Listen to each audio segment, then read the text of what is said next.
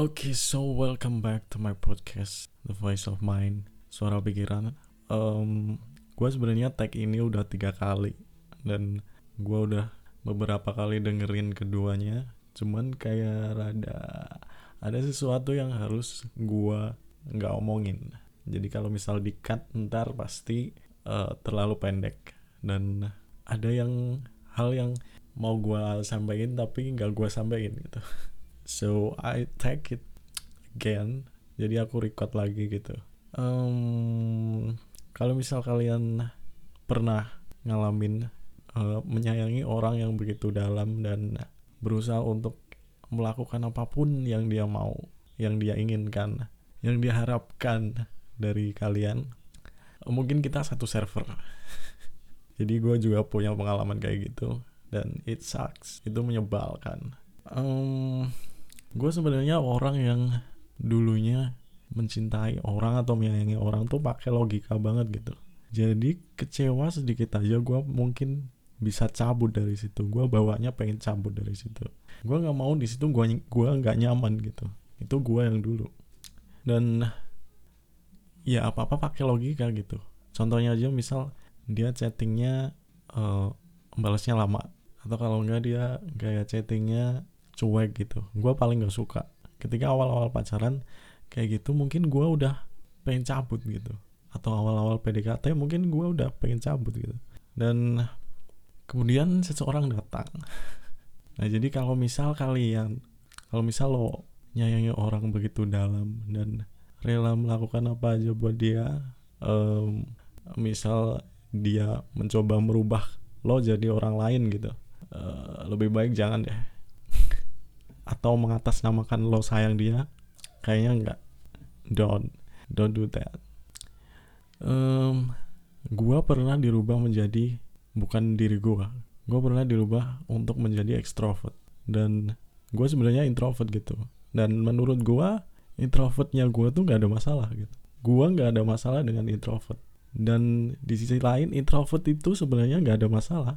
Dia cuma dia sebenarnya bisa ngobrol dia sebenarnya bisa ngobrol atau dia sebenarnya nggak pendiam ketika dia emang cocok sama orang gitu. Dan merubah seseorang menjadi ekstrovert atau introvert itu butuh waktu lama dan itu nggak bisa di, dirubah sama orang lain nggak bisa.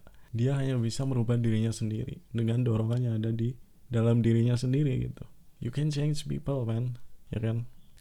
Um, dan kenali tanda-tanda toksiknya pasangan lo gitu misal dia mencoba oh misal dia ngeritik gaya bicara lo atau ngeritik gaya style lo yang sebenarnya itu bukan lo banget kemudian lo dirubah untuk menjadi seperti yang dia inginkan itu toxic banget.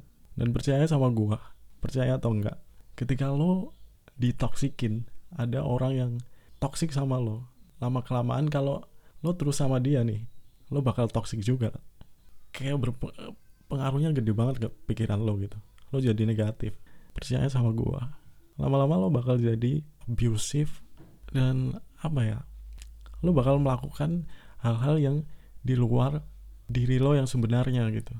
Lo bakal melakukan hal-hal yang bukan lo banget gitu. Gua yang pernah ngalamin sendiri gitu. Mencoba merubah gua dan akhirnya gua kehilangan jati diri gua kehilangan kehilangan diri gua gua kehilangan prinsip gua dan gue nggak tahu mau ke mana nih arahnya karakter gue gitu. Dan ketika lo putus lo bener-bener di posisi yang tersesat gitu. Lo nggak tahu diri lo siapa lo nggak tahu mau ke mana pikiran lo sebenarnya kayak gimana prinsip hidup lo sebenarnya kayak gimana lo nggak tahu. Jadi lo bakal kehilangan semuanya. Lo kehilangan kepercayaan diri kehilangan penghargaan diri um, lo nggak menghargai diri lo dan itu nyembuhnya susah banget. Gue sendiri hampir hampir depresi ngalamin itu. Gue hampir gila recovery diri gue sendiri. Karena gue kehilangan diri gue sendiri.